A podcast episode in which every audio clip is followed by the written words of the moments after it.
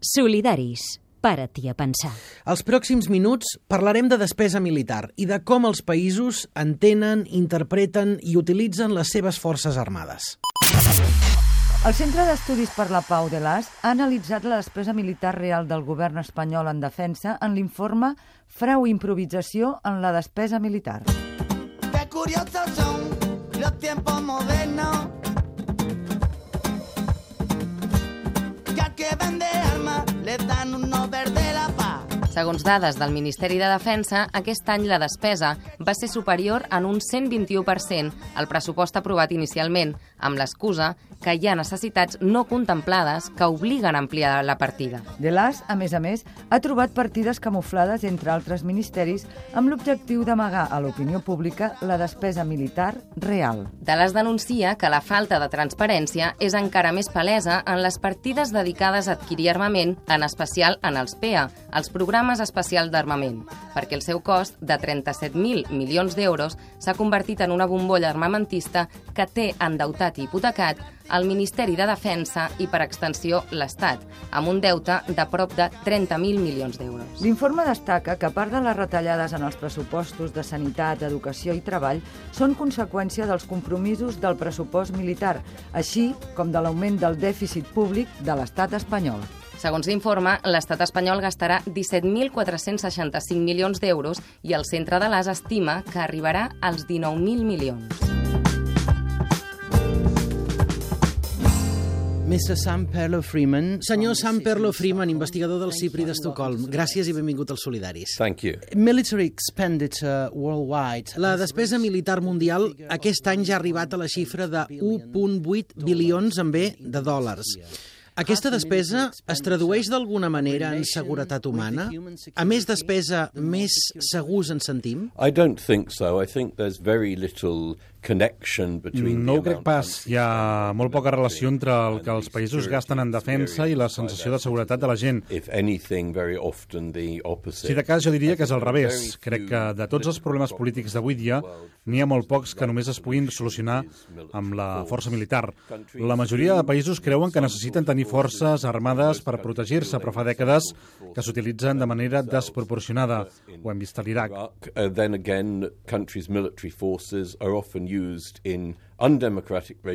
I després hi ha les dictadures que utilitzen l'aparell militar per protegir-se i mantenir el seu règim. You are an expert at CIPRI, at the Stockholm International Peace and Research Institute. Vostè és especialista en despesa militar a l'Institut d'Estudis per la Pau d'Estocolm, el CIPRI. I no deu ser fàcil accedir a aquestes xifres. Com s'ho fan per obtenir-les arreu del món?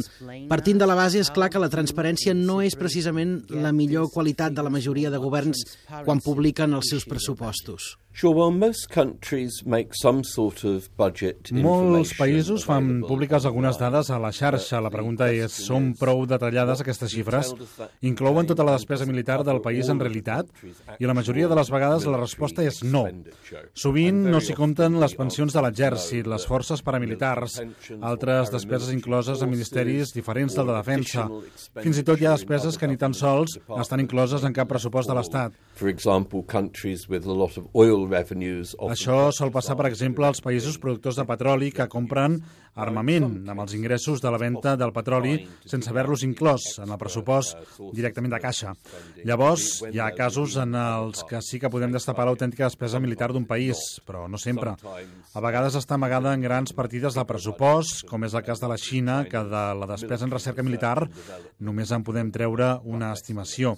A vegades és impossible saber-ho perquè no apareix en lloc dels pressupostos i després hi ha països com Eritrea i el Sudan que definitivament no publiquen ni una xifra.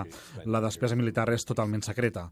So uh, that becomes difficult when trying to compare. Clar, llavors suposo que la cosa es deu complicar quan es volen comparar no, aquestes dades, quan es vol fer una mena d'històric, el que fa el CIPRI, una auditoria per demostrar al món com afecta aquesta despesa militar, per exemple, en el deute nacional d'un país país o com afecta a la vida diària de les persones. Well, as I say, we combine different sources of information to produce El que fem és creuar diverses fonts per poder fer informes consistents de seguiment històric de cada país i que siguin dades comparables entre països en la mesura del possible. Aquí la transparència és importantíssima, que els ciutadans sàpiguen en què s'inverteixen els diners públics en nom d'ells, que puguin comparar la despesa militar amb la despesa social i després també és important per les relacions entre països perquè tothom pugui conèixer la inversió militar dels seus països veïns i que no es creïn falses sospites o malentesos, però definitivament no sempre és possible. Can we get an example? Can we focus on? Si m'ho permet, podem agafar l'estat espanyol com a exemple? El pressupost militar està sempre molt per sota de la despesa real. Aquest any, al mes de juliol, si no m'equivoco, ja havíem sobrepassat el pressupost en un 121%. Yes. Well, it's it's a very strange way of budgeting to Sí, veritablement és peculiar que sempre pressupostin tan per sota i que sempre apareguin partides extraordinàries a mig exercici en comptes de fer pressupostos reals. I tot i que aquesta informació s'acaba trobant, tampoc no és la manera més transparent de fer les coses. And again, in Spain's case, there is quite a lot of additional military spending. I una vegada més, l'estat espanyol dispersa moltes partides entre els pressupostos d'altres ministeris, les pensions militars, la despesa en investigació i recerca del Ministeri d'Indústria, i insisteixo que es poden arribar a trobar aquestes xifres. Això ho fa molt bé el centre de l'AS, que cada any fa una foto força ajustada i l'ensenya a tothom. Però la transparència no és gens fàcil. Tampoc hi ajuda que els mitjans de comunicació només donin la xifra del Ministeri de Defensa i diguin aquest any Espanya només ha invertit el 0,6% del PIB en despesa militar, perquè no és veritat. Which is the trend based on which are the key countries... I quina és la tendència mundial? Quin és el rànquing de despesa militar? Well, the US, uh, after many years of rapid increases, has been... Els Estats Units, després d'uns anys d'increment constant, ara ha reduït una mica la despesa, en part també perquè ha marxat de l'Iraq i l'Afganistan i perquè ha reduït el dèficit i s'han equilibrat els pressupostos. Però no crec que això duri gaire. Em sembla que aviat l'incrementaran de nou. China is continuing to increase. La despesa de la Xina segueix creixent, però a menys velocitat, perquè la seva economia ha caigut una mica. Even when China is not involved in any war. I això que la Xina no està implicada en cap guerra ni en cap campanya internacional ara mateix. No, they have not been involved in any war since 1979. No, no tenen cap guerra des del 1979, però volen competir amb els Estats Units per dominar la regió del Pacífic. It is always a way Clar, i deu ser també una manera de demostrar la seva força als països veïns, als països de la regió. Penso en el Tibet, en, en la Índia, en Taiwan... Yeah, and, and, and they always want to maintain the option of using military force against Taiwan. Sí, i els interessa molt ensenyar que poden utilitzar la força en cas d'un enfrontament directe amb Taiwan i evitar també que els Estats Units s'hi fiquin pel mig. Però de moment res d'això no entra en les previsions. Ni els Estats Units ni la Xina volen entrar en guerra l'un amb l'altre, però competeixen entre ells per la influència de la zona. This week you did a conference here in Barcelona and Aquesta setmana vostè va fer una conferència a Barcelona i li van fer una pregunta que voldria traslladar-li ara també. Quan la guerra esdevé un negoci per a determinats països exportadors o per determinades empreses privades, és la guerra la que impulsa la indústria militar o és al revés?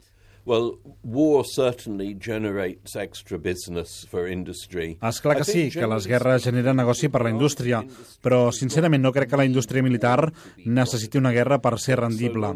En tenen prou fent servir els lobbies per convèncer els governs de les amenaces que els afecten, fins i tot quan aquestes amenaces són hipotètiques o a llarg termini, i els venen armament caríssim d'última generació com els F-35 o els F-20 que encara no s'han fet servir mai en combat. Some companies certainly are more directly benefiting from Llavors hi ha altres empreses que sí que treuen un rendiment directe de les guerres. Són les empreses de logística com la KBR a l'Iraq, molt relacionada amb Dick Cheney, un dels principals arquitectes d'aquesta guerra. can we go to the other side? What about those countries? Deixi'm anar a l'altra banda. Què me'n diu d'aquells països que voluntàriament decideixen no tenir exèrcit? Yeah. There's very few. N'hi ha molt pocs i són països molt petits, com Liechtenstein o Illes Estat, però n'hi ha un de prou significant que l'any 1948 va decidir deliberadament no tenir exèrcit per assegurar-se que no patiria mai cap causa militar. I en certa manera li va funcionar, és Costa Rica. Tenen una democràcia força estable i un dels índexs de creixement econòmic i de desenvolupament humà més pròspers de la regió.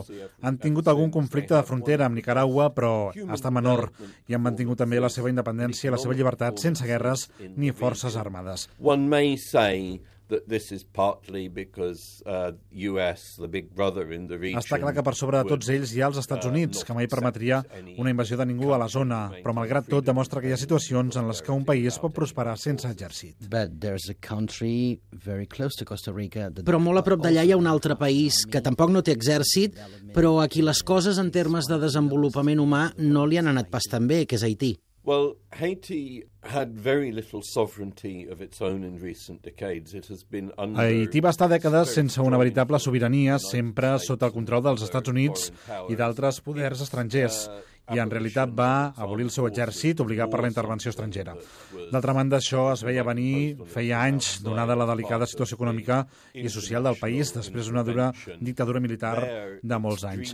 Certament, abolir les forces armades no ajudarà a solucionar tots els problemes de cap país, perquè moltes vegades aquests problemes no hi tenen res a veure. Now I think I'm going to put you a sensible question. Doncs ara li faré una pregunta delicada. Quan algú es planteja constituir un nou país... Com en el cas de Catalunya, vols dir? Oh, you're so smart. Ah, això mateix, veig que m'ha entès. Thinking about to settle an army. Llavors, és apropiat obrir el debat de si hem de tenir exèrcit i indústria militar? Què hauríem de tenir en compte en aquest cas? I mean, of course, if Catalonia does become independent... Si Catalunya s'independitza, aquesta serà una qüestió que haureu de decidir vosaltres, per descomptat, si voleu un exèrcit i per què el voleu. Aquesta és la pregunta clau. Quina serà la finalitat del vostre exèrcit per defensar les vostres fronteres? No ho crec.